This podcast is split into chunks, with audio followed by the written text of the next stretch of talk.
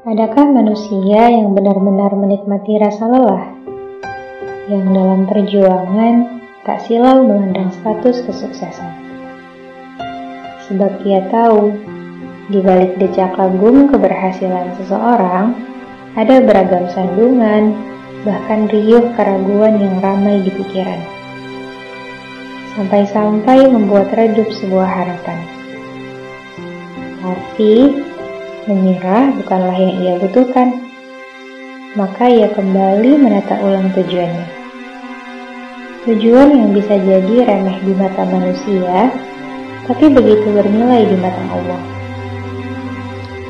Ia yang bukan sekadar pasrah mengikuti arus kehidupan, tersebab manusia bukanlah air yang tak mampu menentukan muara akhirnya.